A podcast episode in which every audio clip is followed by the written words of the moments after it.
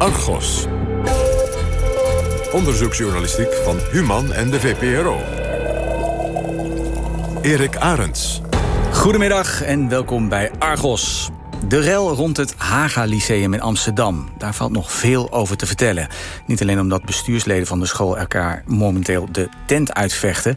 maar natuurlijk ook vanwege het vermeende radicaal-islamitische gedachtegoed... dat leerlingen ingeprent zouden krijgen. Althans, zo kwam het vorig jaar in het nieuws. Maar dat ligt ietsje anders. En onze collega's van Medialogica leggen dat mooi bloot in een nieuwe uitzending. Daarover straks meer. Nu is dit. Stel, er ligt een brief in je brievenbus. Je maakt hem open en je leest dat er een onderzoek naar je wordt ingesteld omdat je verdacht wordt van terrorisme. Als je nog eens beter kijkt, dan zie je dat die brief niet voor jou is bedoeld, maar voor je buurman. Verkeerd bezorgd. Dit soort fouten komt voor. En juist nu er steeds meer data over u en mij worden verzameld, neemt de kans toe dat er iets misgaat. Om te voorkomen dat al onze data in het wilde weg gaan rondzwerven... is er, de, is er Europese wetgeving. De Algemene Verordening Gegevensbescherming AVG. Twee jaar geleden is die van kracht geworden en wij hebben uitgezocht of die wet een beetje werkt. Hier in de studio zit Argos-collega Saar Slegers. Welkom, Saar. Dat voorbeeld wat ik net noemde over die terrorismebrief, dat is echt gebeurd, hè? Ja, dat was een van de voorbeelden die uit ons onderzoek eh, naar voren kwamen. Ja. Wij wilden eigenlijk weten van uh, hoe goed uh, wordt die RVG nageleefd door gemeentes, want die hebben heel veel gegevens over ons. We hebben dat onderzoek samen gedaan met eh, studenten van de masteropleiding journalistiek van de Universiteit van Amsterdam. Mm -hmm. um, ja, en het blijkt dat daar toch nog wel regelmatig wat misgaat in die gemeente. Oké, nou daarover straks meer. Hier in de studio is ook aangeschoven Arnold Roosendaal, expert op het gebied van gegevensbescherming en directeur van de Privacy Company. Meneer Roosendaal, wat is dat voor een bedrijf? Privacy Company? Privacy Company is een eh, advieskantoor gespecialiseerd in privacy. En we leveren advies, eh, trainingen, software en e-learning. Aan bedrijven? Aan bedrijven en overheden in brede zin. En veel, veel klanten erbij gekregen afgelopen twee jaar toen die wet van kracht werd? We hadden de nodige klanten, we hebben er ook wat bij gekregen. Uh, dat is ook een natuurlijke groei, denk ik. Maar de aandacht is uh, toegenomen. Lekker verdienmodel voor u.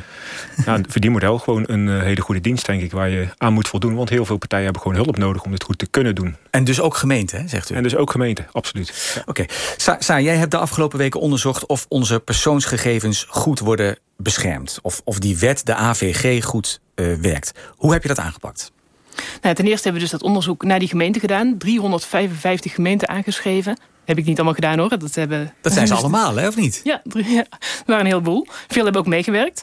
Um, maar ik zelf heb daarnaast um, gesproken met onderzoekers, met privacyjuristen... en ook een paar sleutelfiguren. Bijvoorbeeld uh, Europarlementariër Sophie in het Veld. Mm -hmm. Die heeft... Um, die was betrokken bij de totstandkoming van die AVG, van die Europese wet. Ja, ja. En ook met uh, Aleid Wolfsen, de voorzitter van de Autoriteit Persoonsgegevens. De toezichthouder die ervoor moet zorgen dat het in Nederland ook allemaal wordt uh, nageleefd.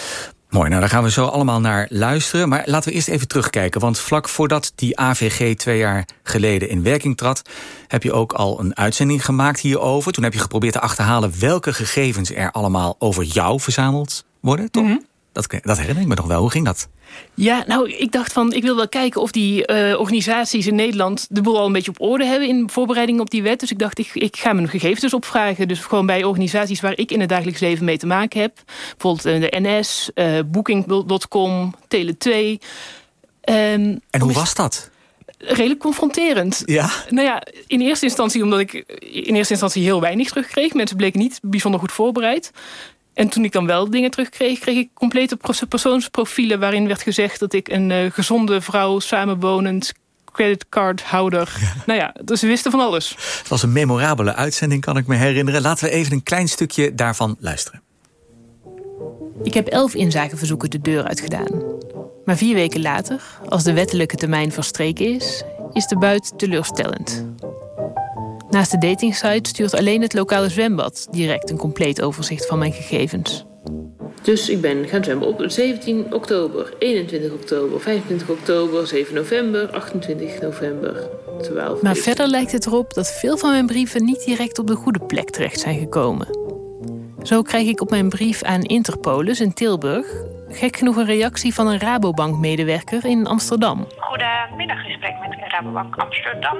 Ik heb zojuist het bericht gehad dat eigenlijk nu pas de brief terecht is gekomen bij de, de juiste afdeling bij Interpolis. En van de NS ontvang ik een formulier met de vraag om nog eens al mijn gegevens in te vullen en nog eens mijn paspoortkopie op te sturen. Als ik dat gedaan heb, ontvang ik een week later een algemene brief met een beknopt overzicht van persoonsgegevens. Mijn naam, adres, klantnummer, dat soort dingen. Maar niet de gegevens waar ik om heb gevraagd. Ja, hoe, hoe, hoe, hoe komt het dat jij iemand van de Rabobank aan de telefoon kreeg... terwijl je bij Interpol, Interpol bij Interpolis uh, gegevens had opgevraagd? Nou, die zijn aan elkaar gekoppeld. Ik weet niet precies hoe dat zit... maar via mijn Rabobank heb ik die verzekering afgesloten. Dus Oh, dat wist jij wel? er was wel? Ja, er was wel degelijk een link. Maar het hmm. was toch opmerkelijk... Uh, ja. Het hoe die briefjes gaan zwerven. Dat was wel duidelijk, hè? Nee, het werd in ieder geval wel duidelijk... dat heel veel organisaties niet wisten wat ze aan moesten met die verzoeken. En ze stuurden geen reactie of pas na heel veel aandringen. Um, dus ja, uh, het leek er niet op dat iedereen nou echt helemaal uh, klaar was... voor nee. die algemene verordening gegevensbescherming... waarin dit toch een belangrijk recht is. Ja, ja, nou goed, we zijn nu uh, twee jaar verder. Die wet, die, wet, die verordening is van kracht. Laten we kijken hoe het er nu voor staat. Arnold Roosendaal van de Privacy Company. U heeft allerlei klanten, gemeenten, bedrijven... die zich daaraan moeten houden. Nou ja, vertel het maar. Heeft iedereen nu zijn zaakjes op orde? Nou, iedereen zijn zaakjes op orde is een groot woord. Er zijn wel echt enorme stappen gezet, uh, denk ik. Uh, wat je eigenlijk vooral ziet de afgelopen twee jaar... is het toenemen van het bewustzijn dat organisaties weten dat die wetgeving er is... maar ook waarom het belangrijk is. Dus voor klanten of voor burgers. Omdat die bepaalde belangen hebben die echt beschermd worden door die wetgeving. Mhm. En dat belang is wel ingedaald in dat besef. Er zijn ook best wel veel grote stappen gezet. Uh, ik denk de grootste uitdaging die er nu is... is dat er op papier heel veel is geregeld. Dus er zijn procedures vastgelegd. Als er zo'n inzageverzoek komt uit het voorbeeld... dan weten veel partijen wel van... oh, dit gaan we ermee doen, dit is de opvolging.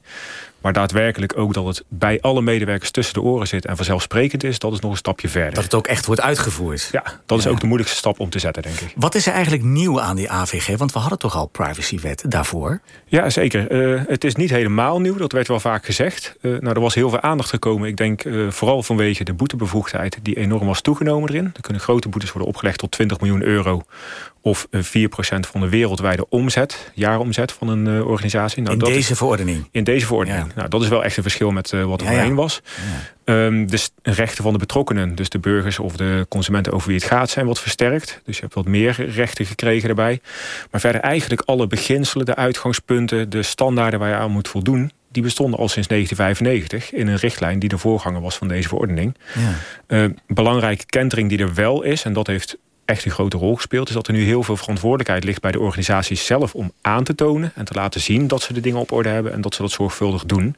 Maar dat voorheen meer was van... nou, als er eens gecontroleerd wordt of je moest dat dingen aanmelden... maar dan was dat minder zwaar. Nou, daar zit een belangrijk verschil. Oké, maar dus met name de boetes, begrijp ik uit uw woorden, die, die omhoog zijn gegaan. Nou, de boetes zijn enorm omhoog gegaan. Uh, Het zelf aantonen actief vereist ook wel gewoon meer. Want je moet echt bewust hiermee bezig zijn binnen je organisatie. Je moet de stappen zetten, je moet het op de agenda zetten van het bestuur. Je moet zorgen dat de juiste stappen worden genomen. Soms heb je een uh, functionaris gegevensbescherming nodig, zoals dat voor de overheid bijvoorbeeld verplicht is altijd. Mm -hmm. nou, dat zijn wel extra stappen in je organisatie die je merkt. En vanwege die boetes die erachter zitten... is het denk ik in de eerste instantie op de agenda gekomen van veel besturen. Maar het zou niet de echte drijfveer moeten zijn, naar mijn idee. Ja, ja. Toch nog even over die boetes, Saar, Saar Slegers van Argos. Jij hebt die boetes op een rijtje gezet. Voor ons, vertel. Ja, Wat ja, is er uitgedeeld? Ja, de autoriteit persoonsgegevens, dat is dus in Nederland de club die die boetes kan uitdelen. De toezichthouder. De toezichthouder, precies. En uh, al bij de invoering van de AVG zeiden ze van nou, wij gaan boetes uitdelen. Dus iedereen zat erop te wachten. Mm -hmm. Nou, inmiddels zijn er in twee jaar zes boetes uitgedeeld. Het tweede daarvan kunnen we niks over zeggen. Daarvan heeft de rechter bepaald dat de boete wel mag worden uitgedeeld... maar dat daar verder niks over wordt bekendgemaakt aan wie uh, en hoe hoog die dan is. Oh, um, waarom is dat? Weet je? Nou, wat, zover ik het begreep, uh, is dat... Um, een bedrijf of een organisatie wordt gestraft. Ja. En die boete is al genoeg straf. En als het dan ook nog publiek zou worden... dan zou het misschien wat buitenproportioneel... Geen naming en shaming, uh, oké. Okay. Precies, en maar in sommige gevallen gebeurt het dus wel, in andere niet. Um, maar goed, er zijn in ieder geval nu op dit moment vier boetes uh, bekend... die er zijn uitgedeeld. Het ja. begon um, in, in 2018 al met Uber... 600.000 euro voor een uh, datalek. Het taxibedrijf Uber, hè? Precies, ja. inderdaad. Um, dus gegevens van passagiers en uh, chauffeurs... die waren gewoon niet goed beschermd mm -hmm. op de servers van het bedrijf. Uh, dan kwam het Haga ziekenhuis. Uh, ook een boete vanwege een datalek. Allemaal onbevoegden hadden ingekeken in een patiëntdossier van een bekende Nederlander. Wie was dat? dat was Samantha de Jong, Barbie, van de reality-ster. Okay. Um, er wordt dus heel veel mensen die komen in het glas. iemand, iemand kent haar, ja? Ja, ja, ja, ga door. Ja, ik denk dat heel veel mensen haar kennen. Ja, nee, en het is natuurlijk, dat mag, kan natuurlijk absoluut niet... dat mensen in een patiëntendossier gaat, gaan kijken. En dus, hoeveel was die, die boete? Dat was 460.000. Ook bijna een half miljoen. Maar dan hadden dus mensen van het ziekenhuis... gewoon in haar dossier zitten koekeloeren. Ja, goed. En natuurlijk mag dat als je een arts bent, hè, behandelend arts. Ja. Maar ja, uh, als je er niks mee te maken hebt, dan heb je, mag je daar gewoon niet in zitten kijken. Ja. Ja, ja, ja. Dan een opvallende boete eind vorig jaar was de Tennisbond. Die kreeg net meer dan een half miljoen, dus uh, eh, 525.000 euro boete. Uh, omdat ze um, gegevens van hun leden hadden doorverkocht aan commerciële partijen die daar misschien ja, waarom zou je denken? Nou, nee, nee, ik zei oh alleen oh. maar. ja. ik wil ook wel vragen. Ik wil ook wel weten waarom inderdaad.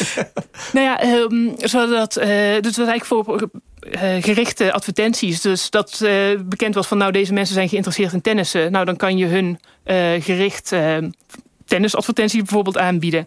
Zij kregen, ja, dus ook wat ik al zei, een half miljoen. En uiteindelijk, nog maar kort geleden werd bekend dat een bedrijf, de naam van dat bedrijf is ook niet bekendgemaakt, die um, lieten hun medewerkers inchecken met hun vingerafdruk. Ja. Um, en dat was echt niet de bedoeling. De vingerafdruk is een heel gevoelig persoonsgegeven. Um, en daarvoor hebben ze een boete, een flinke boete, de hoogste, zover ik weet dan tot nu toe, uh, van 725.000 hmm. euro. Dat is dan een luchtvaartmaatschappij geweest waarschijnlijk, of een, of een trein bedrijf? Nou, we, we hebben geen idee. Kijk, het ging om uh, de, de, medewerkers die moesten inchecken met hun vingerafdruk. Dat waren er 337. Dat dus, is een ja, dus, 747, zeg ik dan.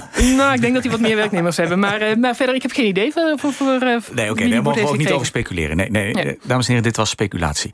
geen feiten. Maar wel flinke boetes, toch? Ja, dat zou je, vond ik ook. Maar ik sprak met allerlei experts. En die reageerden toch, toch een beetje teleurgesteld. Hoezo? Nou, kijk, voor jou en mij is zo'n boete van half miljoen hoog. Maar ja, voor grote multinationals is het natuurlijk helemaal niks. Ja, ja. Van, hè, als je een groot bedrijf bent. Facebook of zo nou, Bijvoorbeeld, uh, die hebben natuurlijk een enorme omzet. En goed, dat is niet leuk voor een reputatie. Um, maar je ziet wel dat bijvoorbeeld in andere landen... Hmm. daar worden al wel veel hogere boetes opgelegd. Vertel. Nou, uh, als je naar Europa kijkt, want het is een Europese wet... en elke lidstaat heeft dus zo'n toezichthouder... Uh, dan zie je dat bijvoorbeeld Duitsland wel lekker bezig is. Die hebben uh, bijvoorbeeld een boete voor een woningbouwcorporatie opgelegd... van 16,5 miljoen. Want die hadden allemaal gegevens van hun huurders... verzamelden heel veel gegevens, bewaarden dat allemaal compleet onnodig eigenlijk. Mm -hmm. Maar echte grote boetes in Frankrijk... een boete van 50 miljoen aan Google... Uh, en in, tot nu toe de, de echte klappers zijn in uh, het Verenigd Koninkrijk gevallen. Uh, 100, kijk, ik moet zeggen dat ik goed even 110 miljoen voor Marriott, de hotelketen. En meer dan 200 miljoen voor British Airways. Dus 200 miljoen, dat is toch wel iets anders dan de, in Nederland... waar het toch niet hoger dan een miljoen uh, nu uitkomt. Is, nu is British Airways natuurlijk niet de Nederlandse tennisbond. Dat is een iets groter bedrijf. Nee, maar dan kan je dus wel afvragen van... Uh, stelt de AP zijn prioriteiten goed? Ja, ja want er zitten natuurlijk ook wel hele grote bedrijven in Nederland. Niet dat ik zeg dat die allemaal uh, de AVG schenden. Mhm, mhm. Ehm, maar daar, sommige deskundigen zeggen ook wel van... ja, uh, is nou de tennisbond, ook al hebben ze zei echt de AVG geschonden... dus je kan zeggen die boete was zeker terecht... maar moet je daar de prioriteit aan geven? Moet je die kleine kruimelaar aanpakken... terwijl er ook grote vissen zijn uh, die er rondzwemmen? Dat kan je je afvragen. Ja, ja. Wel opvallend trouwens dat, dat, dat juist de Britten zo streng zijn... want die zijn uh, voor zover ik weet uit de EU gestapt. Meneer Roosendaal, snapt u hoe dat zit? Ja, het is een Europese wet. Ja, nou er zitten een paar dingetjes bij. Misschien een hele kleine korte opmerking bij de boetes. Uh, een groot deel van de boetes ging over datalekken, werd ook gezegd. Uh, dus daar ging het over slechte beveiliging van gegevens. Waar dan ook vaak eerder voor gewaarschuwd was. Was al eerder geconstateerd. Eigenlijk geen goed gevolg aangegeven. Ja. Nou, en dan is er aanleiding van ja, je had hier echt moeten ingrijpen en actie moeten ondernemen niet gedaan, dan krijg je een boete. Dus dat zegt ook wel wat over de intentie of ja, had een partij er echt iets aan kunnen doen. Um, ja, mhm. als dat zo was en heel duidelijk was... en al was vastgesteld door een toezichthouder... Ja, dan moet je daar gewoon actie op ondernemen. Ja, die boetes kwamen niet uit de lucht vallen. Ze kwamen niet uit de lucht vallen, nee. En hoe zit het dan met die Britten? Want die, die, zijn, die, die, die geven dus gewoon, huppakee, 200 miljoen euro. Euro neem ik aan, hè? boete. Volgens mij was het euro. Dat, British uh, Airways. Ja. Ja. ja. die pakken stevig door. In, uh, in Engeland of het Verenigd Koninkrijk... daar zitten de ICO, de Information Commissioners Office... is daar de toezichthouder. Mhm. Die is altijd al heel actief geweest. Ehm, en er zijn wat uh, verschillen. De, uh, ja, het is een beetje kijken hoe het nu precies gaat lopen. Want het Verenigd Koninkrijk heeft een hele bijzondere positie nu vanwege de brexit. Ja. Betekent eigenlijk dat er geen EU-lidstaat meer is. Betekent dus ook dat die AVG niet één op één meer van toepassing is. Precies. En heel strikt genomen zijn ze dan een derde land vanuit die AVG. Het is geen Europese Unie. Ja, ja voor daarbuiten ben je een derde land. Dan moet je iets gaan regelen. Uh, en daar is een belang. Nou ja, het belangrijkste waar je aan moet voldoen om makkelijke regeling te kunnen treffen met de EU voor de uitwisseling van gegevens, is dat je kunt aantonen dat je dezelfde bescherming Dat je het heel goed doet. Ja, dat je het heel goed doet. Ja, misschien dat die boetes daar iets mee te maken hebben. Maar algemeen moet er echt wel een heleboel geregeld worden dan. Goed, nou dat waren dus de toppers wat betreft eh, de boetes. Saar, er zijn ook landen die het wat minder nauw nemen hè, met privacy. Ja, nou ja, of tenminste waarin uh, de toezichthouders toch in ieder geval een stuk minder streng optreden. Uh, misschien, ik wil even iets laten horen wat ik een van de mensen die ik heb gesproken, hoogleraar ICT en privaatrecht aan de Radboud Universiteit in uh, Nijmegen. Wat hij daarover zei, dat is Frederik Zuiderveen Borgesius. Wat een algemene klacht is, is dat de eerste toezichthouder is vaak wel erg vriendelijk voor bedrijven. Veel Silicon Valley bedrijven die hebben zich formeel gevestigd in Ierland... ten dele vanwege belastingvoordelen... En ten dele vermoedelijk omdat de eerste toezichthouder zo vriendelijk is. Dan worden regels gebroken en dan stuurt de eerste toezichthouder een briefje... wat erop neerkomt van uh, kijk eens of je dat kan verbeteren... komen over een half jaar nog eens een inspectie doen. En een paar jaar geleden was er ook een Ierse minister... en die had het ook gewoon in een krant gezegd van... Uh, we bieden een vriendelijk belastingklimaat en een vriendelijk klimaat op het gebied van uh, privacy, wetgeving, handhaving. Dus dan krijg je dat niet alleen belastingparadijzen, maar ook privacyparadijzen. Daar lijkt het een beetje op, ja. Ja, ja, Saar, we hebben het dus over een Europese wet. Maar ja, die wet wordt dus niet overal even strikt toegepast, gehandhaafd. Ja, precies. En wat je ziet is dat uh, die grote techbedrijven... bijvoorbeeld, nou, als je het hebt over Facebook, Google, LinkedIn, Twitter... Mhm. die gaan dus allemaal in Ierland zitten. Uh, en Ierland is ook niet enig. Bijvoorbeeld Luxemburg is ook zo'n land met een kleine toezichthouder. Misschien iets minder aandacht voor het uh, streng handhaven van de, van de AVG. Bijvoorbeeld uh, dus Luxemburg. Nou, en je ja. ziet dan, daar zitten bijvoorbeeld weer Amazon, eBay en PayPal. Maar, maar hebben die bedrijven dan van alles te verbergen? Zijn het dan per definitie de sjoemelaars? Nou, dat, dat durf ik niet iemand te zeggen, maar je kan wel zeggen dat hun verdienmodel is nou eenmaal gebouwd op het verhandelen van persoonsgegevens. Want het zijn eigenlijk bedrijven die heel veel geld verdienen... met persoonsgerichte uh, advertenties. En mhm. daar verdienen ze gewoon heel veel uit. Dus um, het is heel erg in hun belang om heel veel te verzamelen... en ook door te, eh, door te verkopen weer aan anderen. Dus... Okay, um, ja. Je had, je had nog meer gevraagd hè, aan die hoogleraar Frederik Zuiderveen. Ja, want hij zegt wel van... Uh, uh, hij geeft aan van hoeveel van die data worden veranderd. Daar hebben wij gewoon geen, over het algemeen geen inzicht in. En bijvoorbeeld gaat het dan om flitsveilingen... die elk moment worden georganiseerd als jij op het internet uh, zit. Zo'n soort flitsveiling gaat vooraf aan bijna iedere advertentie die je online ziet. En ook advertenties die je in in-app ziet. Daar gaat meestal zo'n veiling achteraf. Dus eigenlijk worden, wordt toegang tot jou en mij wordt er per opbod verkocht. En, en dat is eigenlijk bij iedere website die je bezoekt, praktisch. Nou, daar wordt op grote schaal, miljoenen keren per dag... worden de AVG-rechten van uh, honderden miljoenen Europeanen geschonden. Wat mag gewoon sowieso duidelijk niet, wat zij doen? Bedrijven moeten redelijkerwijs aan mensen uitleggen... wat bedrijven met onze gegevens doen. Nou, als u of ik een website bezoekt... en ondertussen zijn er tien of zelfs veertig partijen... die registreren dat wij uh, daar een bezoekje doen. En een aantal van die partijen organiseren een flitsveiling. Nou, is het u ooit uitgelegd terwijl u een website bezocht? Nee, mij ook niet. En dan in bijna alle gevallen uh, zou er ook toestemming gevraagd moeten worden. En af en toe wordt ons zo'n pop-up in ons gezicht geduwd van... Uh, als u blijft doorsurfen, dan accepteert u het plaatsen van cookies.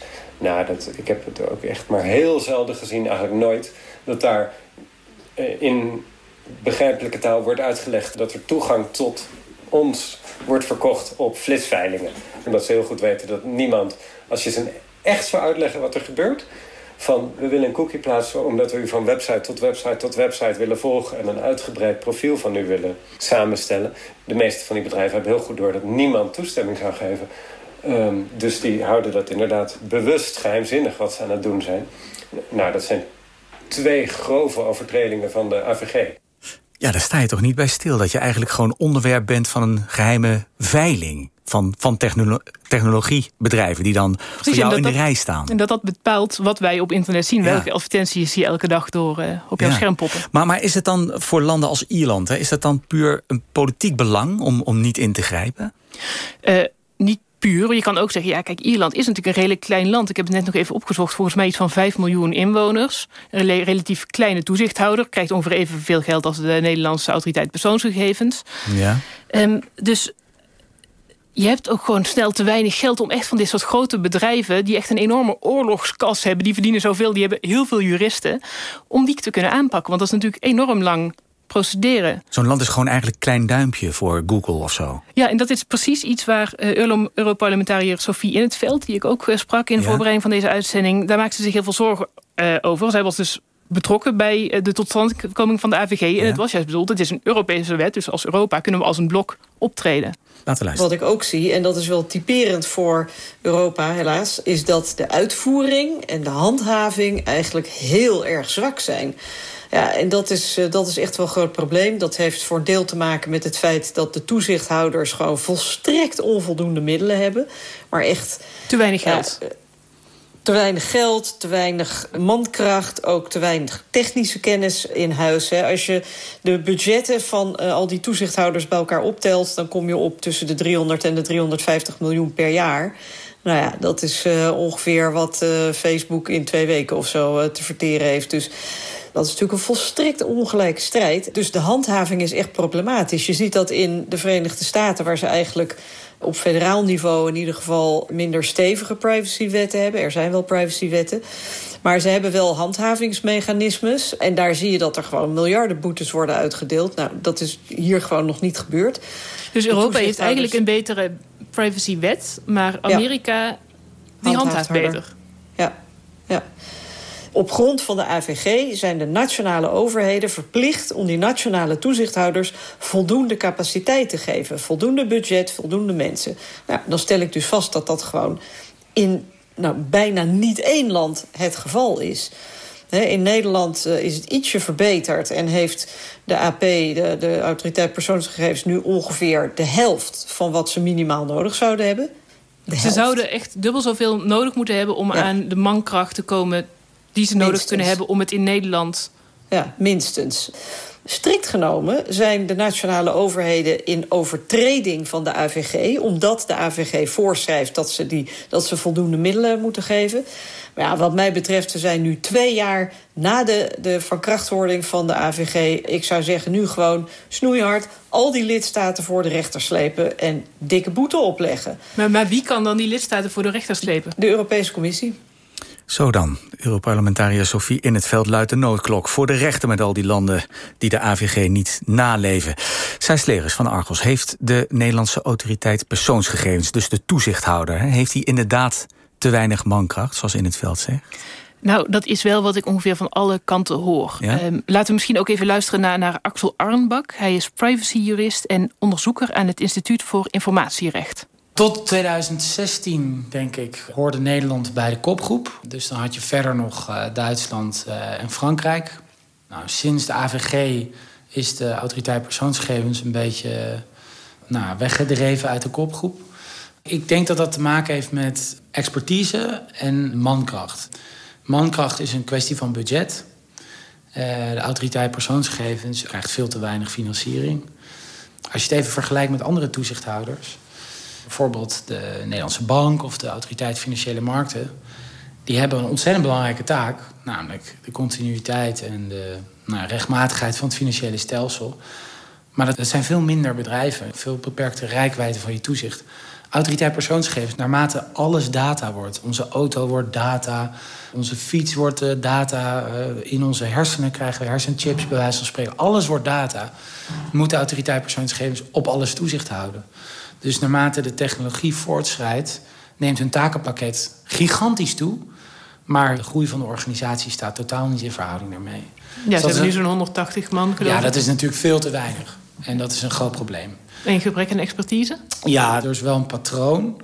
Dat er een stellingname wordt gedaan en dat die later weer wordt ingetrokken. Heel recent nog met bijvoorbeeld dat temperaturen met corona in Nederland, in tegenstelling tot andere Europese privacy-toezichthouders, zei de AP: dat mag niet, is heel ernstig, schending.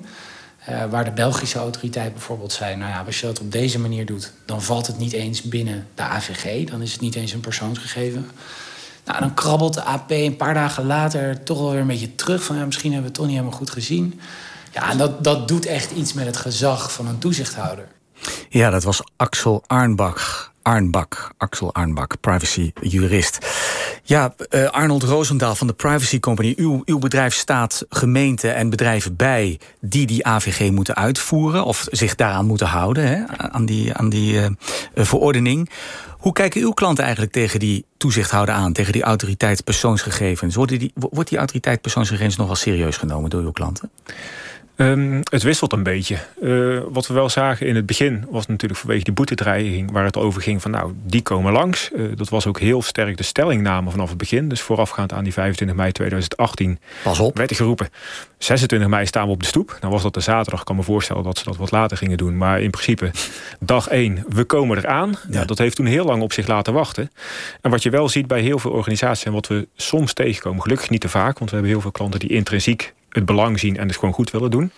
Maar toch zie je ook wel plaatsen waar het is van ja, toen stond het op de agenda van het bestuur. Die denkt van hé, hey, een heel groot financieel belang, want een hele hoge boetekans. Uh, daar moeten we wat mee. Ja, en toen werd het half 2018, kwam in werking. Ga je eind 2018 eigenlijk nog niet echt iets gebeurd. Die toezichthouder de begroting voor 2019 gemaakt. Ja, hmm. en dan moeten we hier nog uh, budget voor vrijmaken of capaciteit. Ja. Want wat is nou het belang? Mijn buurman doet het ook niet. Ik heb ze nog niet gezien. En wat zegt u dan als bedrijf? Ja, wij zeggen het belang is niet uh, blijf ik boetevrij, maar heb ik mijn zaakjes goed op orde. En uh, daar zit denk ik ook wel de kern. Het stuk dat je zelf als organisatie veel meer aan moet tonen wat je hebt gedaan en hoe je het doet, heeft ook heel veel voordeel voor jou als organisatie rechtstreeks, omdat je je gegevenshuishouding veel beter op orde hebt. Je weet welke data je hebt, waar je ze hebt, waar je ze voor gebruikt als je het goed doet, dan win je eigenlijk vertrouwen van je klanten of van je burgers. Dus het is mhm. ook een soort een relatiestuk van... kijk, wij zijn betrouwbaar en op deze zorgvuldige manier gaan we met jouw gegevens om. Mhm. Dus vanuit dat perspectief is het een hele andere hoek. En uh, ja, doen die boetes er eigenlijk wat minder toe. Behalve als er echt gewoon daadwerkelijk zo'n flagrante schelding aan de hand is... en je wil dan gewoon dat er ingegrepen wordt. Maar wat zeggen die, die bedrijven dan? Want ik kan me voorstellen dat ze dan uh, u uh, netjes aanhoren... en vervolgens denken, ja, bedankt voor de informatie... maar de, de praktijk is gewoon anders. Want, want er wordt niet aangeklopt bij ons. En het kost hartstikke veel geld. We kunnen ook zonder. Nou, dat valt behoorlijk mee. Er wordt uh, wel degelijk aangeklopt. Uh, ik denk de inzageverzoeken is er eentje die regelmatig langskomen.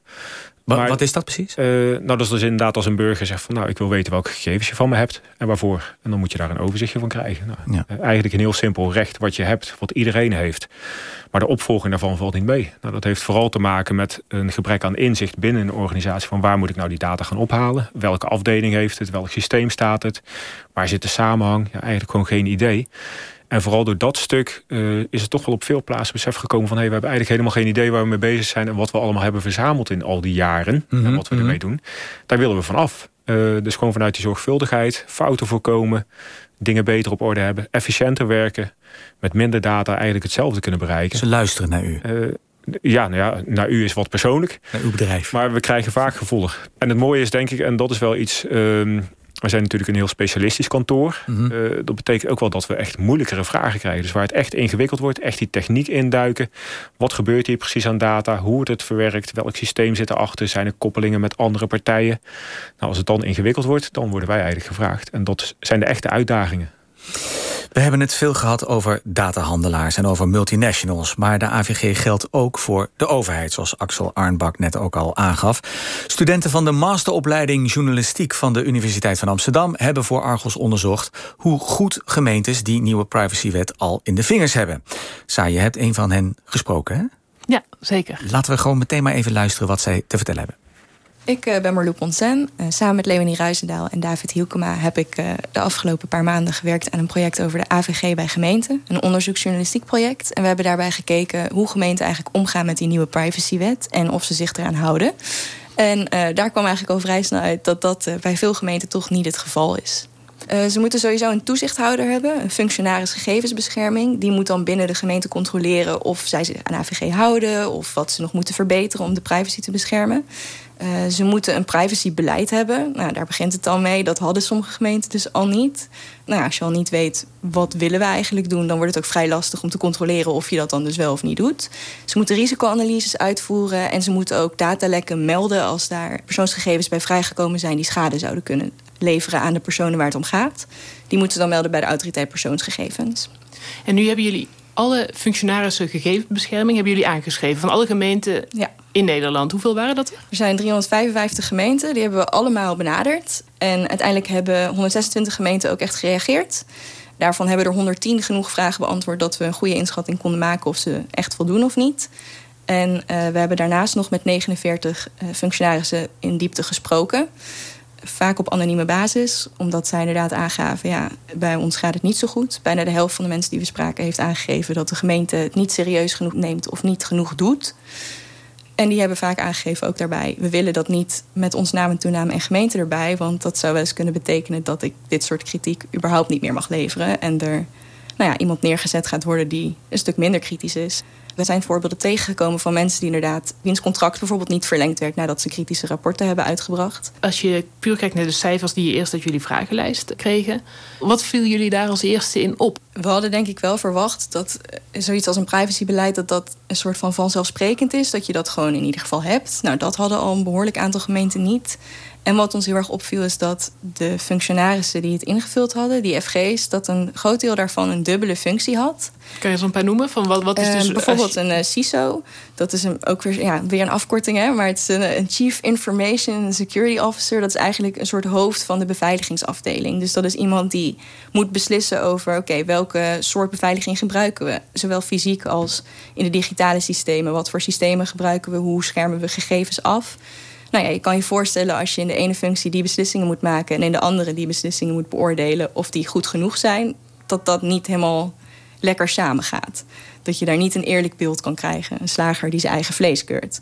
Of dat je en noem eens wat cijfers van, van hoe vaak komt dat nou voor dat mensen zo'n dubbelrol hebben? Uh, we hadden minstens 26 FG's uh, die de vragenlijst hebben ingevuld, die zo'n dubbelrol hadden, waarvan gezegd wordt niet wenselijk. Waren er ook FG's die actief werden tegengewerkt? Ja, ja, zeker. Uh, van degenen die wij gesproken hebben, van die 49, waren er negen die echt uh, zeiden: Ik ervaar actieve tegenwerking. Dat ging dan van het schrappen van rapporten tot het niet doorsturen van rapporten, het niet aannemen van advies of uh, inderdaad zeggen: Nou ja, ik geef je gewoon geen toegang tot alle gegevens die wij gebruiken. Uh, dat kwam ook voor. Of uh, je mag niet bij de vergadering zijn waarin we beslissingen gaan maken over bijvoorbeeld het gebruik van camera's door de gemeente. Wij vinden niet dat dat een privacyvraagstuk is. Dus jij mag er niet bij zijn.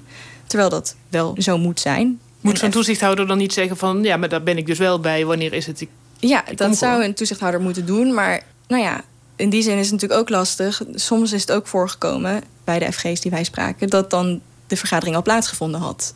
En dat hij de dag daarna dan pas te horen kreeg... oh ja, trouwens, gisteravond hebben we nog even vergaderd over die camera's. Dat zat toch nog maar even op het einde erin. Daar moet je vrij sterk in je schoenen staan. En nou ja, je kan het niet afdwingen. Dus dat maakt het heel lastig. Als FG's actief worden tegengewerkt... hebben ze het idee dat ze eigenlijk met hun rug tegen de muur staan... en niet echt iets anders kunnen doen. Zijn die mensen dan op een gegeven moment ook naar de autoriteit persoonsgegevens gestapt... om te zeggen van, nou ja, hier bij mijn gemeente is wat aan de hand? In uh, sommige gevallen wel. De gevallen waarvan wij het weten hebben het in ieder geval zo ervaren dat de autoriteit persoonsgegevens daar eigenlijk niks mee doet. Uh, er zijn ook geen boetes of zo uitgedeeld. Kom je ook gemeenten tegen die het gewoon heel goed doen? Dat je, waarvan jullie de indruk hadden van zij hebben het gewoon echt goed voor elkaar? Ja, die zijn er ook zeker. Maar ze zijn wel in de minderheid. Ja, dat zijn opmerkelijke resultaten uit het onderzoek van de studenten journalistiek aan de Universiteit van Amsterdam. Die dus ontdekte dat 84 van de 110 onderzochte gemeenten niet voldoen aan de vereisten van de AVG. En even voor de helderheid, die term FG die u zojuist voorbij hoorde komen een paar keer, die staat voor functionarissen gegevensbescherming. Dus zeg maar de privacy waakhonden van de gemeente. Arnold Roosendaal van de Privacy Company. U geeft ook advies aan gemeenten, zoals al eh, is gezegd. Herkent u dit beeld? Want laat ik nog heel even op een rijtje zetten... wat er zojuist in sneltreinvaart voorbij komt, eh, kwam. Hè? 40% ruim 40% van de geïnterviewde toezichthouders geeft aan... dat hun gemeente onvoldoende maatregelen neemt om de persoonsgegevens te beschermen. 20% zegt zelfs actief te worden tegengewerkt door de eigen organisatie. Je hoort verhalen over ambtenaren met dubbele petten omdat ze hun eigen regels moeten controleren. En andere collega's die juist kritische rapporten schrijven, de deur worden uitgewerkt. Het lijkt erop dat de bescherming van persoonsgegevens door gemeenten althans niet echt serieus wordt genomen. Wat, wat is uw ervaring? Nou, die ervaring is wat wisselend. Uh, ik denk, of ik prijs me gelukkig de gemeente waar wij voor werken... dat het daar meestal best wel goed gaat. Uh, dat is eigenlijk heel fijn. Uh, niet alleen vanwege ons, maar gewoon vanwege de mensen die er al zitten. Het is niet de klantbescherming wat u nu doet? Het is geen klantbescherming. Ik ga ook geen namen noemen van gemeenten. Dus dat maakt sowieso okay. niet uit. Um, de, dus op zich, die, die gemeenten waar het goed gaat, die zijn er ook zeker wel. Maar wat je vooral ziet, uh, en ik denk dat daar het lastige punt zit... zo'n rol van een FG waar het over ging, is een hele lastige. Het is voor een heel groot deel politiek, bestuurlijk bezig zijn... zorgen dat je met de juiste mensen de contacten hebt... en alles binnen de organisatie goed kunt volgen. En een klein stukje zit daarbij echt die diepgaande expertise op dat privacyvlak... en dat dan overbrengen. Die tegenwerking die je ziet is soms wel of de lastige punten. Uh, en ik denk dat dat vooral komt vanwege de hele diverse rollen, taken die gemeenten hebben. Waar ze mee spelen. Ze hebben heel veel taken erbij gekregen de afgelopen jaren. Hadden van oudsher al veel taken. En daarbij werden natuurlijk veel gegevens verwerkt. Ja. Wat je in de praktijk denk ik vaak tegenkomt. Of dat zien we wel regelmatig. Is van nou er wordt een nieuw plan opgetuigd om iets te doen. Bijvoorbeeld het cameratoezicht kwam langs. Um, want dat gaan we dan doen om deze taak uit te voeren. En dan komen er op een gegeven moment kom je in zo'n grijs gebied van wat is nou daadwerkelijk die taak. Heel veel van die gemeentelijke taken zijn abstract omschreven, zijn open normen. Je moet iets doen met openbare orde en veiligheid bijvoorbeeld.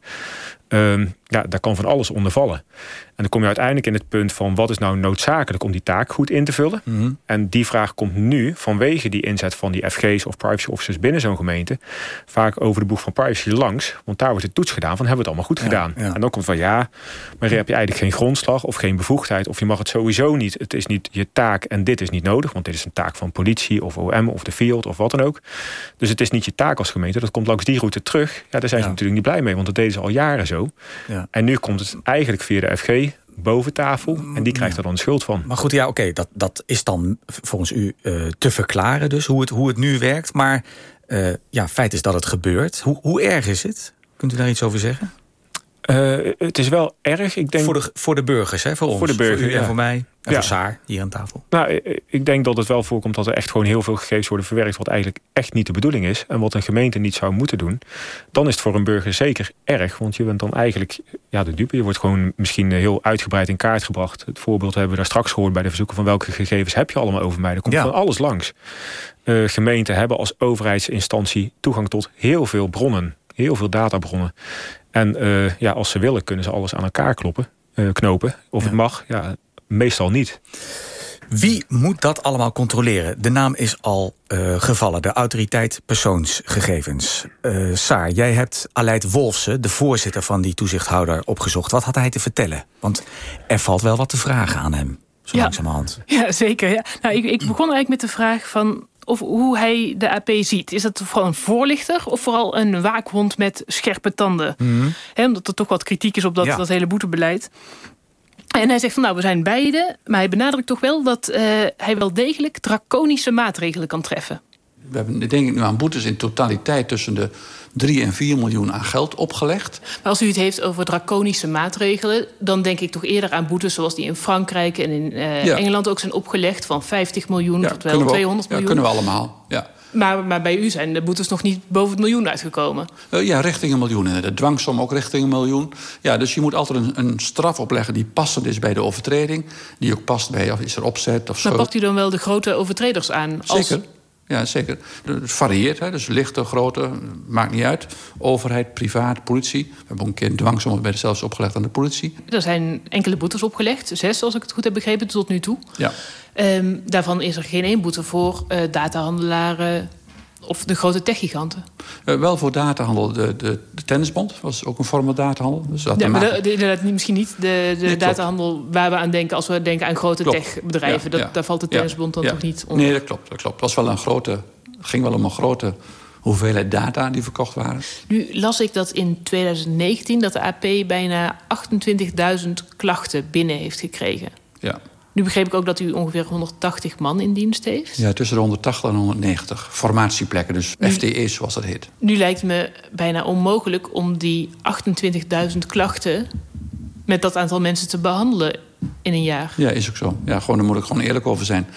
Voor het werk wat wij moeten doen, wat we ook graag willen doen, wat we ook graag goed willen doen, hebben we gewoon te weinig mensen. En ik ben ontzettend blij dat minister Dekker dat ook heeft gezien. Ik heb samen met hem opdracht gegeven aan KPMG om eens nu te kijken, twee jaar na de inwerkingtreding, hoe zit het met het werk wat er allemaal ligt, wat je zou moeten doen om gewoon netjes je werk natuurlijk te kunnen doen, maar hoeveel middelen heb je daarvoor nodig? Als het relateert aan klachten, datalekken, noem maar op. Maar nu, uh, op dit moment heeft u te weinig capaciteit. Ja. En de resulteert dat klachten gewoon niet ja, in behandeling worden genomen. of wat, wat gebeurt er dan nu? Komen er wachtlijsten? Hoe... Ja, we hebben voorraden. We hebben een vrij forse voorraden. We hebben een Voorraad is ja, best een wachtlijst? Ja, wachtlijst. Nou, daar hebben we jaren achterstand in. En nou, dat onderzoek moet nu opleveren van hoe hoeveel wij tekort komen. En we verwachten zo rond de zomer de uitkomsten daarvan. Maar tot die tijd hebben we te maken met serieuze achterstanden. Ik, ik ga er niet geheimzinnig over doen. Ja. Vier jaar geleden onder uw voorganger, uh, Jacob Koonstam... Uh, toen was er ook een onderzoek gedaan. En toen werd eigenlijk al aangeraden om zeker 220 mensen, FTE's, in dienst uh, te hebben. Klopt, ja. En liever nog 270. Ja, klopt. Waarom heeft u niet eerder opgeschaald? Ja, dat hebben we gedaan. Dus we zitten nu richting de 200. Uh, maar ik, ik, ga niet, ik heb geen bompje met geld bij ons in de zaak staan. Wij, moeten, wij zijn afhankelijk van het parlement en van de ministers uh, hoeveel geld we krijgen. En die heeft ons best redelijk bediend. Maar nog, dat, ja. Maar er komt nu dus een onderzoek. Ja, dat Daarin is de minister ook zeer geïnteresseerd. En ja, dan... zeker. Uh, het zal mij zeer, zeer verbazen als er niet uit zou komen... dat we fors moeten groeien nog de komende jaren. Je kunt niet heel snel groeien. Want dan moet je, mensen moet je ook inwerken. Dus je moet wel beheerst groeien. Maar we zitten nu, we hebben, de achterstanden worden nu over de hele linie lopen die op. Ja, dat is gewoon heel vervelend. En dat is ook wel slecht, omdat het hele maatschappelijk leven digitaliseert. En het gaat over gegevensbescherming, dus uh, tegengaan van discriminatie, bevorderen van eerlijke verkiezingen, over je lichamelijke integriteit, gezondheidsgegevens. Het hele scala aan grondrechten, dat wordt beschermd door die gegevensbescherming. Ik sprak met Europarlementariër Sofie in het Veld. En zij is heel kritisch als ze kijkt naar hoe de AVG in Europa op dit moment wordt gehandhaafd. Dat ze zegt, nou eigenlijk bijna in alle lidstaten hebben de autoriteiten, de autoriteiten persoonsgegevens, te weinig mankracht, te weinig middelen. Ja, heeft ze gelijk in. Ja. En zij zegt als gevolg daarvan, nou, in de AVG staat ook dat elke lidstaat moet een autoriteit hebben die zijn werk goed kan doen. Op dit moment voldoet niemand eraan. Dus zij zegt, dat uh, de Europese Commissie snoeihard zou moeten optreden en alle lidstaten voor de rechter moet slepen en een dikke boete op zou moeten leggen. Ja, dus dat kan. Ja. Moet het gebeuren? Vindt u ook dat de Nederlandse staat beboet zou moeten worden door de Europese Commissie... Nou, omdat u te weinig geld heeft? Nou, wat, we, wat we doen, doen we goed. Dat is even als eerste. We worden gelukkig nauwelijks gecorrigeerd door de rechter op dat vlak. Ik denk dat de commissie ook tegen Nederland zou zeggen... nou, Nederland goed bezig, goed dat het onderzoek komt. Alleen als het onderzoek afgerond is rond de zomer en er blijkt uit dat we fors moeten uitbreiden, dan moet er wel worden geleverd. En als het dan niet wordt geleverd, dan heeft Sofie in het veld natuurlijk een kwestie met de commissie. En zegt de hele commissie: hé, hey, Nederland die bedient zijn AP niet goed.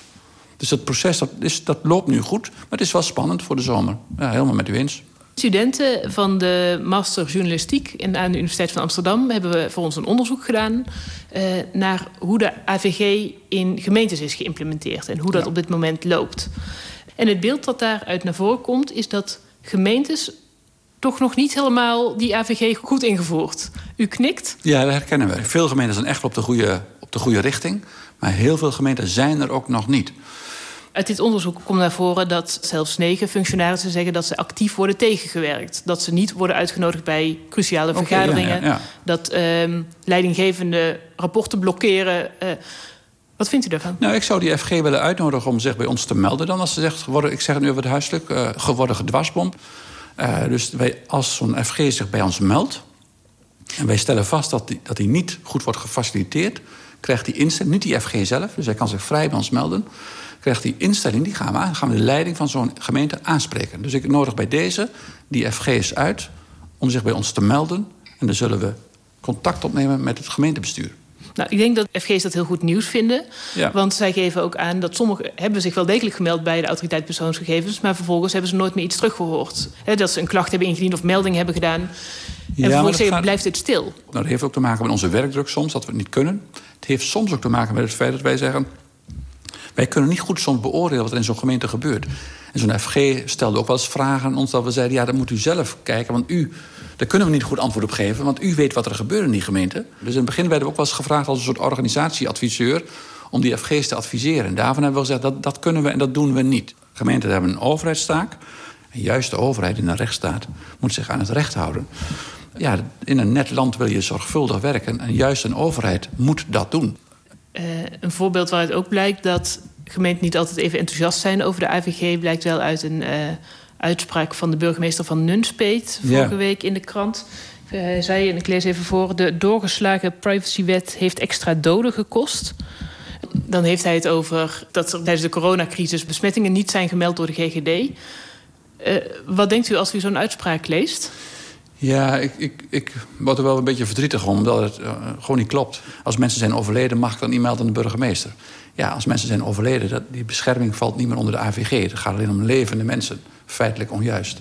Dan werd er ook gezegd, ja, wij krijgen niet alle informatie die nodig is... om onze taak goed te kunnen doen. Het college van BNW heeft een belangrijke taak... Uh, om infectieziekten tegen te gaan. Dus alles wat je noodzakelijk nodig hebt... voor het goed kunnen uitoefenen van je taak die krijg je vanzelfsprekend. Dus het is gewoon onbekendheid waarschijnlijk in zo'n kleine gemeente met de materie. En het is qua beeldvorming ook wel een beetje slecht. Omdat het nu lijkt alsof de grondrechten gezondheidszorg in de weg staat. Dat is natuurlijk niet zo. We willen allemaal dat mensen kunnen leven en gezond kunnen worden. Dus het is soms een ja, onbekendheid, noem ik maar even zo neutraal mogelijk. Maar dat is na twee jaar na de invoering van de AVG wel zacht gezegd, jammer dat een burgemeester het dan heeft over een doorgeslagen privacywet. Ja, misschien moeten de raadsleden in die gemeente gewoon eens aan de burgemeester vragen hoe de AVG daar geïmplementeerd is. En waar, waar is het nou een misverstand en waar klopt het wel en waar klopt het niet. De overheid heeft een voorbeeldfunctie. In een rechtsstaat moet juist de overheid zich houden aan het recht. Het gaat om grondrechten van mensen. Ja, en daarom moet de overheid echt uh, het beste jongetje van de klas zijn. En dat is het op dit moment niet? Niet altijd, nee, dat klopt. Ja, en u hoorde ook de, de, de, uh, de voorzitter van de autoriteit persoonsgegevens zeggen dat functionarissen gegevensbescherming die vinden dat ze worden tegengewerkt door hun eigen gemeente zich bij hem kunnen melden. Alleen ja, hebben ze daar al wel een achterstand van jaren bij die autoriteit persoonsgegevens. U hoorde het Wolfse zeggen, dus het zou wel even kunnen duren voordat klokkenluiders daar gehoord worden. Wilt u meer weten over de naleving van en de controle op de AVG? Ga dan naar onze site, want daar staat een mooi uitgebreid verhaal over deze kwestie vpro.nl slash Argos. Mag ik jullie hartelijk danken voor jullie uitleg en de evaluatie van deze twee jaar bescherming van onze persoonsgegevens. Journalist Saars Legers en Arnold Roosendaal, directeur van de Privacy Company. Hartelijk dank.